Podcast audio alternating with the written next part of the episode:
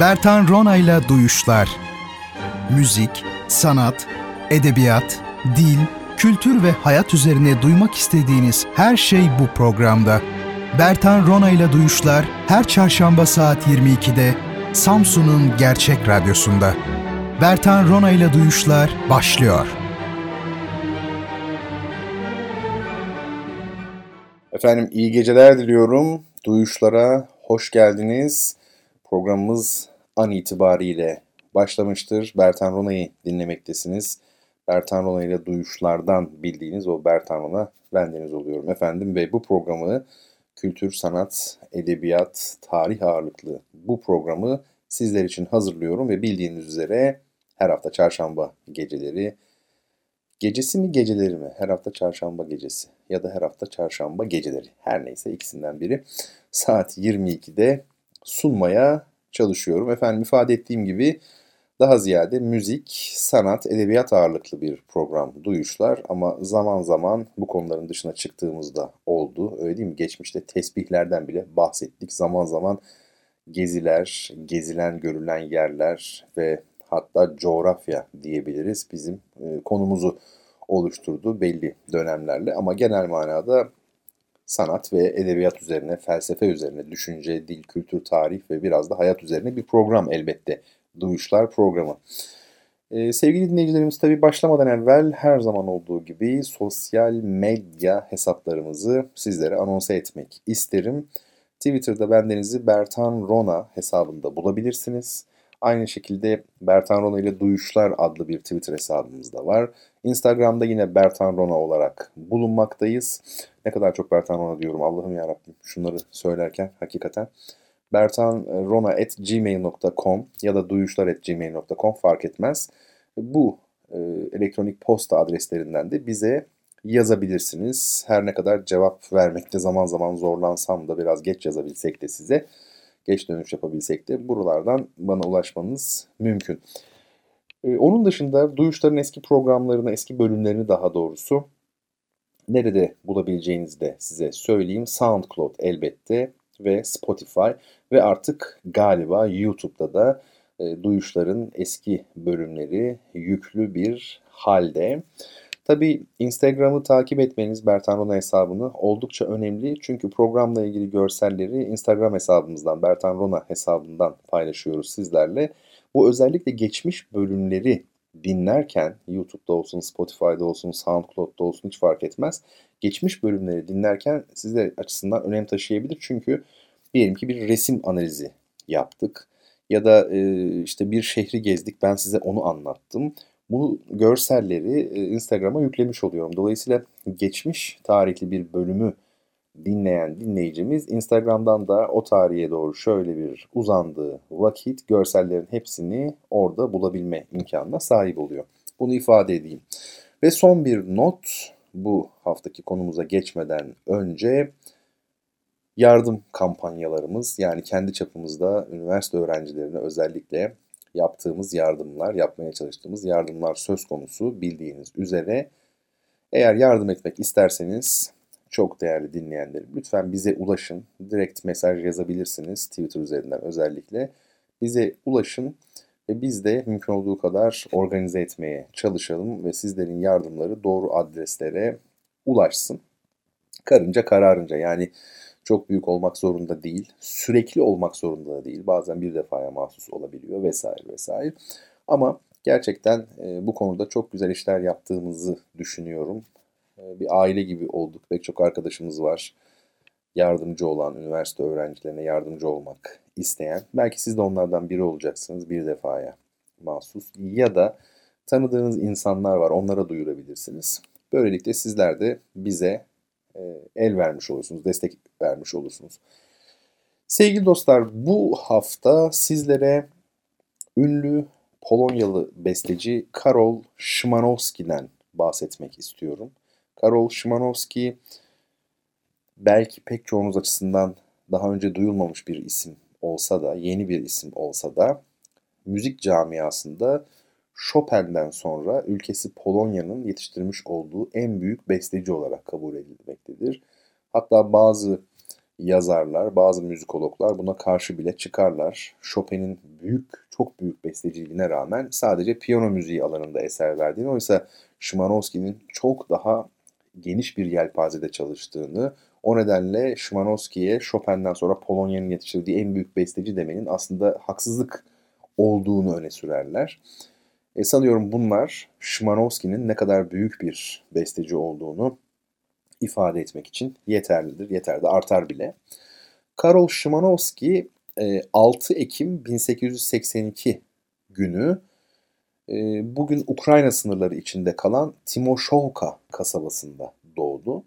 Toprak sahibi olan zengin bir aileden geliyordu.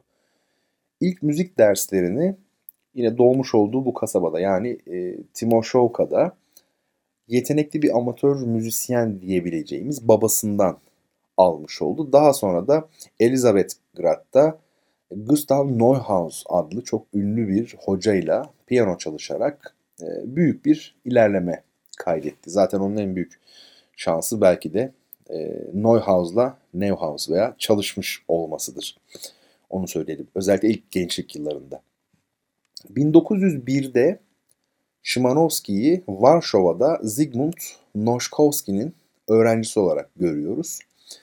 E, tabii Varşova'da orkestra şefi Gregors Fittelberg'le ve ünlü Avusturyalı, e, Avusturya diyorum özür dilerim, e, Polonyalı piyanist Arthur Rubinstein'la arkadaşlık kurdu, yakın arkadaşlık. Onlarla e, Genç Polonya grubu adı verilen bir grup oluşturdular. Genç Polonya grubu. Yani Fittelberg orkestra şefi, Rubinstein meşhur Rubinstein piyanist ve Szymanowski besteci olarak böyle bir grup kurdular. 1906-1908 yılları arasında Szymanowski Berlin'de yaşadı. 1911'de etkisini bazı eserlerinde gösterecek olan bir Sicilya gezisine çıktı. Sicilya biliyorsunuz e, Arap Krallığı dolayısıyla geçmişte e, ciddi anlamda Doğu ve İslam etkileri barındıran bir coğrafyadır. 1912-1914 e, yılları arasında Viyana'da bulundu Szymanowski ve Viyana'nın köklü müzik kültürüyle özellikle de Mahler senfonizminin e, nitelikleriyle, özellikleriyle e, tanışmış oldu. Bunları içselleştirdi yani. E, Viyana onun için önemliydi. 1914 yılında yaptığı Kuzey Afrika gezisi ise bestecinin öteden beri ilgi duyduğu egzotizme olan merakını arttıran ve bu konuda çeşitli araştırmalara yönelmesine neden olan bir tecrübe olmuş oldu. 1917 yılında malum haliniz e, Bolşevik devrimi gerçekleşti. Büyük Ekim devrimi gerçekleşti Rusya'da. E, Şimanski ailesi de e, bu olaylar dolayısıyla Ukrayna'daki topraklarını kaybettiler. Çünkü Bolşevik devrimi e, toprakları soyluların elinden alıp devletleştirmiş oldu, halka dağıtmış oldu. E, bu anlamda Şimanowski ailesi Ukrayna'daki topraklarını kaybettiler. Ve bu çalkantılı dönemin ardından 1920'de e, yeni kurulan Polonya devletinin başkenti Varşova'ya yerleşti Szymanowski. 1926'da da yani 6 yıl sonra da Varşova Konservatuarı müdürlüğüne getirildi. E, sanat hayatının bundan sonrasını yöneticilik görevinin yanı sıra yoğun bir konser ve turne etkinliği içinde geçirmiş olmasına karşılık bestecilik çalışmalarını da aksatmadan sürdürdü. Hatta piyano ve orkestra için konçertant stilde yazdığı bir konser parçası olarak yazdığı 4. senfonisinin piyano partisini solist olarak dikkat solist olarak Paris, Londra ve Brüksel gibi merkezlerde bizzat seslendirdi. Virtüozitesini de ortaya koymuş oldu o yıllarda. E, Szymanowski toparlamak gerekecek olursa yani uzatmayalım artık uzun zaman önce yakalanmış olduğu verem hastalığı nedeniyle 29 Mart 1937 tarihinde Lozan'da vefat etti. Vefat ettiğinde 54 yaşındaydı. Çok çok çok e, kısa yani özet olarak e, ana hatlarıyla temel böyle çizgilerle Szymanowski'nin hayatı böyle. Biraz daha ama da bir, bir de detaylı bakmak lazım. Yani besteciliği nasıl Szymanowski'nin ve bizi ilgilendiren tarafı ne özellikle? Ben niye bu hafta Szymanowski konusunu seçtim? Çünkü Szymanowski'nin 3. senfonisi bir başyapıt olarak değerlendirilen 3. senfonisi Mevlana Celaleddin Rumi'nin e, bir gazeli üzerine, bu gazelin leh diline yapılmış olan, lehçeye yapılmış olan bir çevirisi üzerine bestelenmiştir ve çok sesli müzik tarihi söz konusu olduğunda modern müziğin tarihi yani klasik batı müziği olarak bilinen bu müziğin tarihi söz konusu olduğunda özellikle modern ekol açısından son derece önemli bir eserdir. Zirve bir eserdir. Bunu ifade edelim. E, Şimanowski e, aynı zamanda İslam'ı en iyi temsil eden, daha doğrusu İslam'ın temsilinin en güçlü bir şekilde görüldüğü e, çok sesli müzik bestecisidir diyebiliriz. Yani İslam'a ya da İslam'la ilgili temalara bir şekilde ilgi duymuş olan besteciler var ama tamamen buna yönelmiş. En iyi bir şekilde bunu temsil etmiş besteci Şimanowski'dir. Bunu pek çok e, Avrupalı, Amerikalı müzikolog teslim etmektedir. E, Alistair Whitman gibi, Jim Sampson gibi pek çok isim yani Şimanowski üzerine çalışmış. Yani hiçbir bestecide, hiçbir klasik batı müziği bestecisinde Şimanowski'deki kadar İslami bir temsil söz konusu değildir. Mesela müezzinlerin Allahu Ekber diyerek ezan okumalarını piyano ve insan sesi için yazmış olduğu bir liedde dile getirmek ya da bir korolu büyük orkestra için yazdığı devasa bir senfonide Mevlana'nın bir gazelini kullanmak gibi. E, çok doğrudan e, şeyler var burada. İslami e, temsiller söz konusu. Şimdi Şimanowski'nin bestecilik döneminde bestecilik hayatında 3 dönem var. Birincisi romantik dönem 1899-1913 yılları arasında yani ilk bestecilik yaptığı zamanlar bunlar. İkincisi oryantal empresyonist dönem öyle adlandırılıyor. 1914-18 işte esas e, adından da anlaşılacağı gibi oryantal yapıtlarının olduğu, doğuya ve İslam'a duyduğu ilgiyi dışa vurduğu eserlerinin bulunduğu dönem. Ve üçüncü dönemde özellikle Polonya kurulduktan sonra kendisinin de bir konservatuar müdürü olarak idarecilik görevi aldı ve daha ziyade eğitim amacıyla ve ülkesinin yeni oluşmakta olan senfonik, güçlü senfonik müzik dağarına eser kazandırmak amacıyla ulusalcı çizgilerde, milli çizgilerde eser verdiği, daha tabii e, tutucu bir dilde, daha geleneksel, daha klasik, şematik bir dilde eserler verdiği dönem söz konusu. Bu da 1921-1934 arasındaki dönem.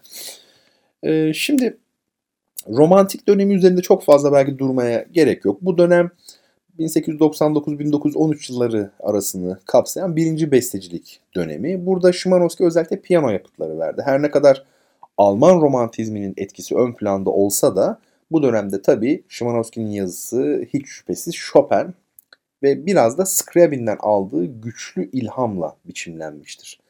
Dolayısıyla romantik döneminde, bu ilk döneminde besteci Alman, Rus ve Fransız etkilerinin bir bireşimi ne ortaya koymuş oluyor. Önemli müzikologlarımızdan, müzik bilimcilerimizden e, Gültekin Oransay, Şimanowski'nin bu ilk bestecilik döneminde görülen e, az önce ifade ettiğim durumu şu sözlerle ifade ediyor. Diyor ki Orhan Say, e, rahmetli hocamız, bu döneme kadar açık bir Alman, özellikle de Richard Strauss ve Max Reger etkisi altındaydı. 1909'da döndüğü Varşova'da tamamladığı ikinci senfonisi e, ise Alman etkisinden Rus etkisine kaydığını kanıtlamakta ve Scriabin'in armonik evrimine, uyumsal evrimine koşut gitmektedir, paralel gitmektedir diyor. Şimdi besteciliğinin bu döneminde, Şimanowski romantik döneminde bir başka yönelimde Fransız müziği tabii oldu. Viyana yılları aynı zamanda bestecinin e, Debussy ve Ravel'in biliyorsunuz e, Fransız müziğinin ve özellikle izlenimciliğin dev isimleri bu iki isim. Ravel'in, Debussy'nin yapıtlarını yakından tanıyarak Fransız izlenimciliğine de yöneldiği bir dönem oldu. Özellikle Debussy'ye yöneldiği yıllarda ince ve olgun bir armoni diliyle yazdı. Debussy'nin izleri bestecinin piyano sonatlarında, mazurkalarında ve şarkılarında görülebilir. Bu ifadede hocamız Önder Kütahyalı'ya ait. Ee, benim de müzik tarihi hocam olan her zaman kendisini hürmetle e, andığım, yad ettiğim değerli hocam. Onun bir kitabından alınma bir cümle. Ve e, Şimanowski bu döneminde pek çok eser e, verdi. Piyano için 9 prelüt, Efendime söyleyeyim soprano ve orkestra için Zalome, birinci piyano sonatı, birinci keman sonatı, birinci senfoni, ikinci senfoni, ikinci piyano sonatı ve Hagit operası. Hagit hacı aslında. Peki şimdi e, tabii bu dönem bizim konumuz değil. Aslında bizim ilgileneceğimiz e, oryantal empresyonist dönem oluyor. Çünkü Şimanowski bu dönemde Sicilya ve Kuzey Afrika gezileri dolayısıyla Doğu kültürüne ve özellikle de İslam'a büyük bir ilgi duyuyor. Ancak inanç anlamında hani kendisinin bir işte Müslüman olması falan gibi değil. Bu etkileri eserlerinde Şimanowski'nin dışa vurduğunu görüyoruz. E, Birinci Dünya Savaşı ile birebir çakışan bu dönem yani 1914-18 yılları arası Şimanowski'nin besteciliğindeki ikinci dönemi oluşturmuş oluyor. Bu dönemde Şimanowski'nin müziği üzerinde Fransız empresyonizmiyle yani Debussy ve Ravel ile Stravinsky'nin etkisi belirgin. Besteci üzerine yani Şimanowski üzerine önemli çalışmalara imza atan Polonyalı müzik bilimci Slavomira Zeranska-Kominek e, söz konusu dönemin adlandırılması ile ilgili şöyle diyor. Diyor ki Doğu'nun müzik ve şiir geleneğinin etkilerine kayıtsız kalamadığı bugüne kadar Şimanowski üzerine yazılan pek çok makalede belirtilmiştir. Evet bu adam hakikaten de Doğu'nun müzik ve şiir geleneğine karşı kayıtsız kalamıyor. Onun stili diyor Zeranska Kominek bu anlamda oryantal empresyonist olarak tanımlanır. Gerçekten de oryantal empresyonist. Yani empresyonist izlenimci demek. İzlenimciliğin etkisi var ama oryantal doğu ile ilgili konular söz konusu. Şimdi Şimanowski'nin empresyonist üslubunun kaynağında Fransız müziğinin özellikle de Debussy ile Ravel'in bulunduğu açık olmakla birlikte oryantal olarak tanımlanan eğiliminin çıkış noktası üzerine farklı görüşler var. Yani nereden çıktı bu oryantalizm ilgisi Debussy'de? Ee, ilk bakışta bu durum e, diyor Alistair Whitman, çok önemli bir Şimanowski uzmanıdır dünyada. İlk bakışta bu durum 19. yüzyıl Rus ekolünün folklorizminden kaynaklanıyor gibi görünebilir diyor. Ancak Şimanowski'nin diyor otantik aksanının ana kaynağı kişisel Kuzey Afrika deneyimidir.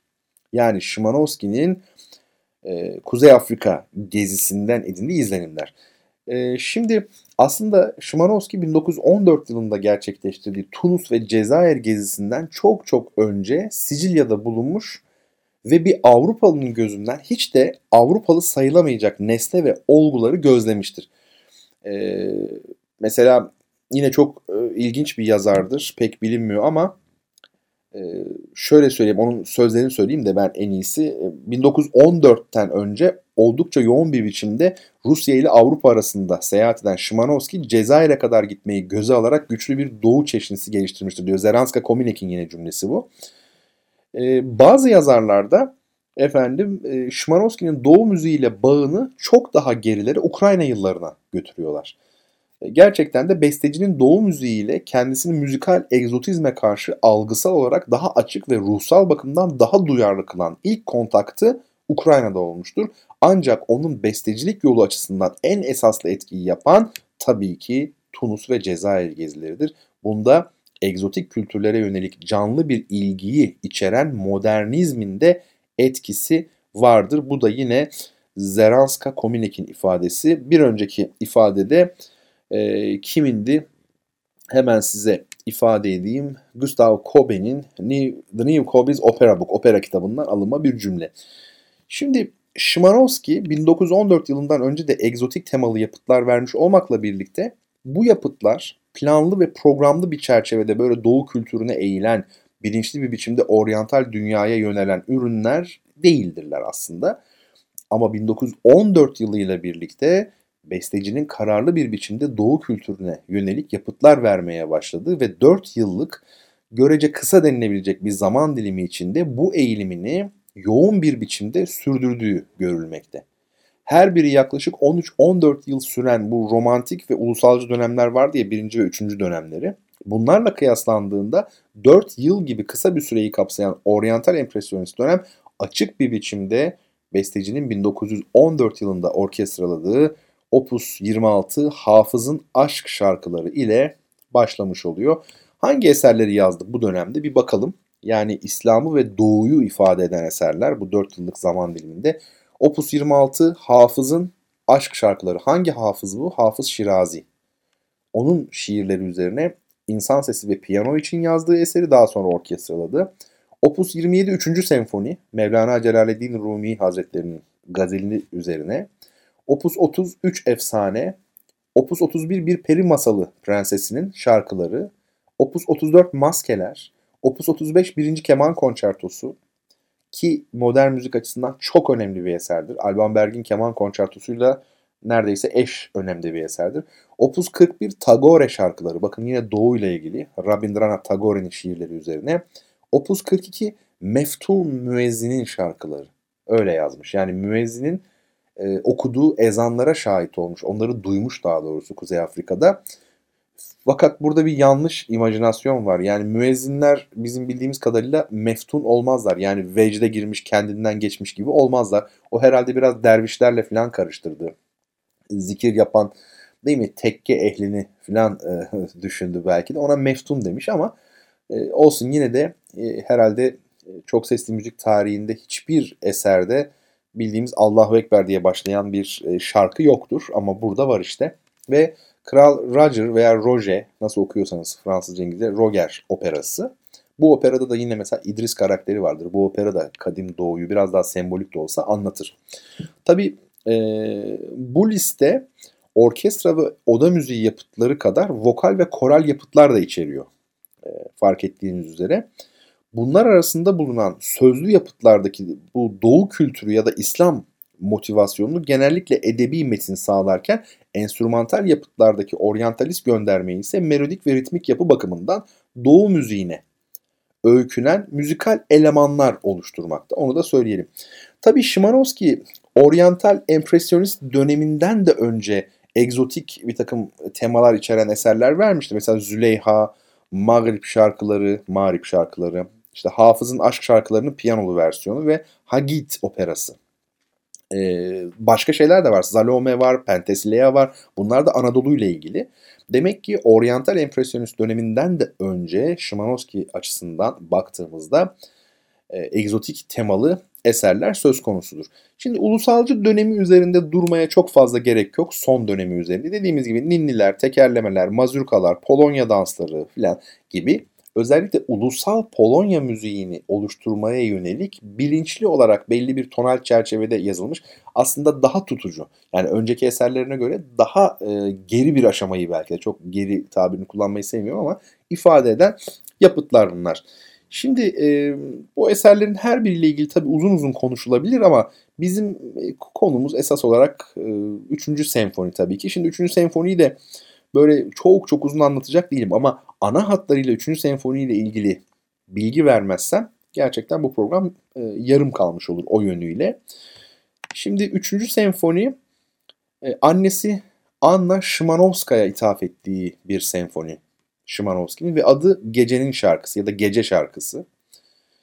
E, 1914 yılında Timoşovka'da yazmaya başlıyor bu eseri, bu büyük eseri Şimanovski ve zaman zaman üzerinde çalışmaya ara vererek 1916'da yine Timoşovka'da bitiriyor.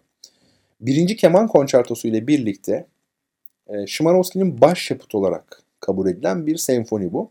Aynı zamanda bestecinin en sık seslendirilen yapıtlarından biri. E, bildiğimiz üzere ifade ettim. Mevlana Celaleddin Rumi'nin bir gazeli üzerine tenor solo, koro ve büyük orkestra için e, bestelenmiş bir yapıt e, Pierre Boulez e, belli bir dönem söz konusu olduğunda yani özellikle 20. yüzyılın ilk yarısı için Stravinsky'nin Bahar ayininden sonraki en büyük müzikal mucizelerden biri olduğunu söylüyor bu 3. senfoninin. Bakın bu kadar ciddi, prestijli, ağırlıklı bir yeri var. Bunu unutmamak gerekir. E, edebi açıdan baktığımızda Mevlana Celaleddin Rumi'nin bir e, şiiri burada söz konusu. E, bu şiiri, bu gazeli daha doğrusu Büyük Divan, Divanı Kebir var ya buradaki bir gazeli bestelemiş. Şimanowski bu gazelin e, Polonya diline yani Leh diline, Lehçe'ye yapılmış bir çevirisini kullanmış oluyor.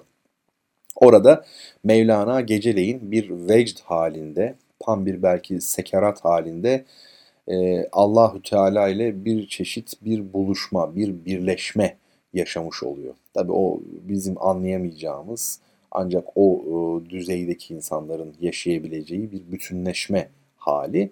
E, oradaki sözler de ona göre zaten ve gerçekten de Şimanowski'nin kendi müzik diliyle de olsa bunu çok başarılı bir şekilde e, dışa vurduğunu görüyoruz. Mesela sonunu do majör bitirmiş. İlginçtir. Ahmet Adnan Saygın'ın Yunus Emre oratoryosu da do majör tonalitesinde biter. Do majör umut demektir. Umut, umutla biter. Gerçekten de e, İslam ne dinidir diye sorulsa bana ben umut dinidir derdim öncelikle. Bireysel anlamda ferdi olarak umut dini, içtimai olarak baktığımızda ise adalet dini diyebiliriz. Umut, umut, umut çok önemli. Biliyorsunuz iblis kelimesinin olası etimolojilerinden biri umutsuz demek. Yani umutsuz e, anlamına çıkıyor. O bakımdan e, o umutsuzluğa kapıldı. Hazreti Adem umutsuzluğa kapılmadı. İnsan insan yapan şey umutsuzluğa kapılmamasıdır. Bu yönüyle baktığımızda e, İslam'daki umut duygusunun yani ne olursan ol yine gel var ya mesela. Bunu Mevlana söylemiş olsun olmasın çok önemli değil. E, bu umut duygusunun e, hiçbir dindeki umut duygusuyla kıyaslanamayacak kadar güçlü olduğunu söyleyebiliriz. Aydınlık böyle beyazlık e, söz konusu burada.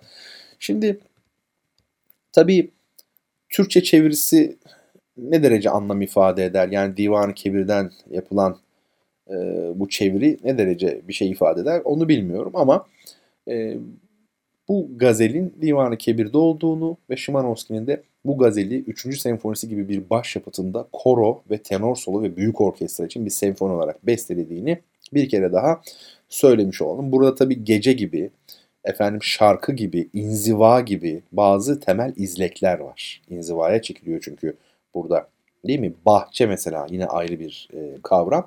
Ve ne acıdır ki, e, bunu söylemek çok üzücü. Fakat ne acıdır ki bu eserin, e, siz söyleyin adını, siz söyleyin adını diye bir şey var yani gerçekten ilginç. Bu eser Türkiye'de e, ben bildiğim kadarıyla premier yapmış değil. Yani herhangi bir şekilde seslendirilmiş değil.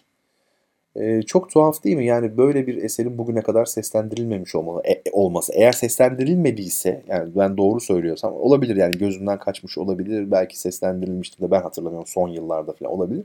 Eğer böyleyse bir an önce seslendirilmesi ve çok güzel bir koro hazırlanması, efendim mesela hatta belki de keşke olabilse e, çok güzel bir Türkçe ile söylenmesi. Yani koro tabi leh dilinde söylüyor orijinalinde ama bunun güzel bir çevirisiyle bir ekip tarafından yapılacak olan prozodiyi gözeten, e, müziği, legatoyu, bağları, her şeyi gözeten, bu işi bilen edebiyatçı da olacak içinde, bu ekibin besteci de olacak tabii ki.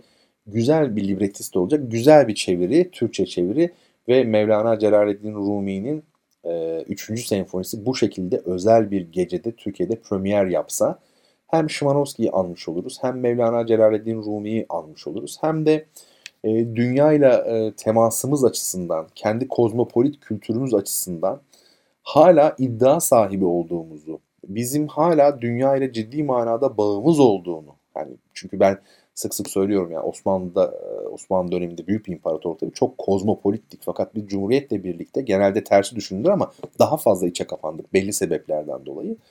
E, bu açıdan bakıldığında bu iddiamızın devam ettiğini, hala dünyadan kopuk olmadığımızı, e, bağlarımızın olduğunu, bizim dünyalı olduğumuzu ifade etmiş olurduk. Çok güzel olurdu. Bu şu demek değil ama Ey işte dünya, ey Avrupalılar bakın biz de sizin değerlerinizi benimsedik. Vallahi bizi alın filan. O anlamda söylemiyorum kesinlikle. Fakat e, kendi kabuğuna e, çekilmek, dünyadan e, el ayak çekmek, gerçeklere küsmek, bir çeşit şizofreni yaşayarak içe kapanmak. Bu doğru değil tabii kesinlikle. Hani çok klasik olacak ama biz kalarak çağdaşlaşmak diye bir şey var. Yani kendimizden taviz vermeden de dünyalı olabiliriz. Niye olmayalım? Bu bir güç meselesidir.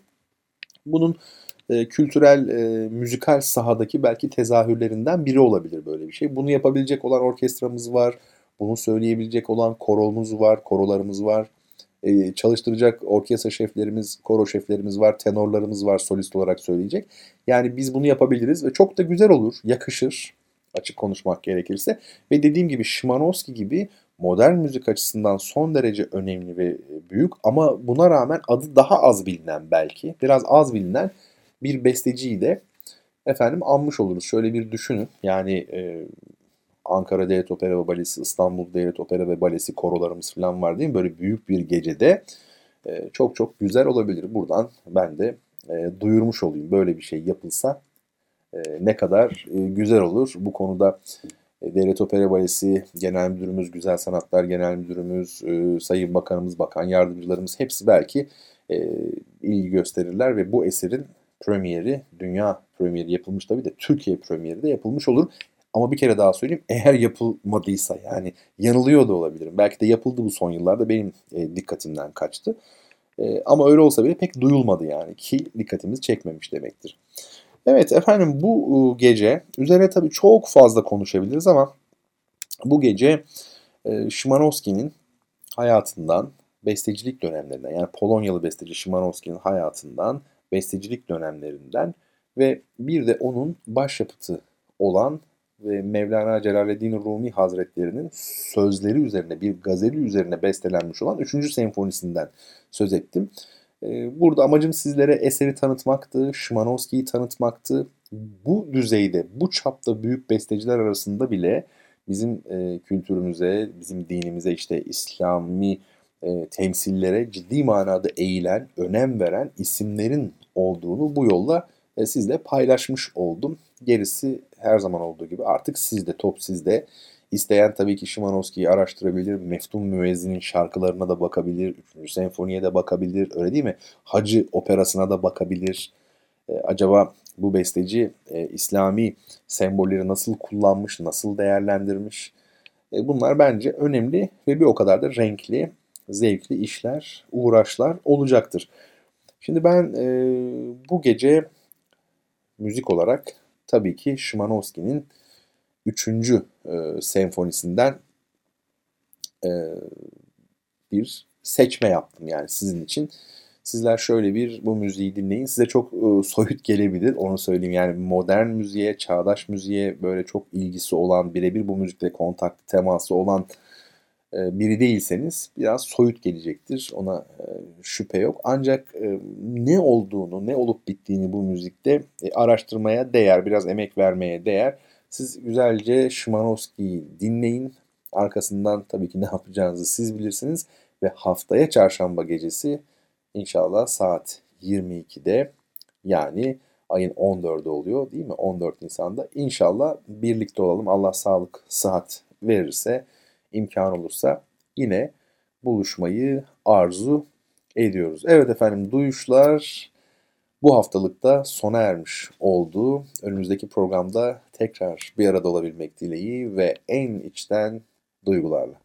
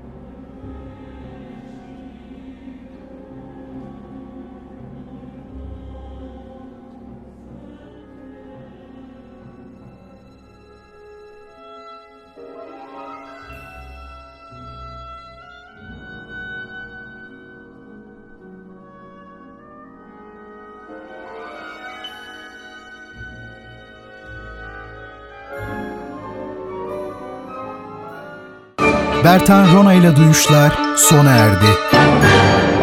Bu program hakkındaki düşüncelerinizi dinleyen et radyogercek.com adresine mail atarak bize ulaştırabilirsiniz. Dinlemiş olduğunuz programda ürün yerleştirme yapılmıştır.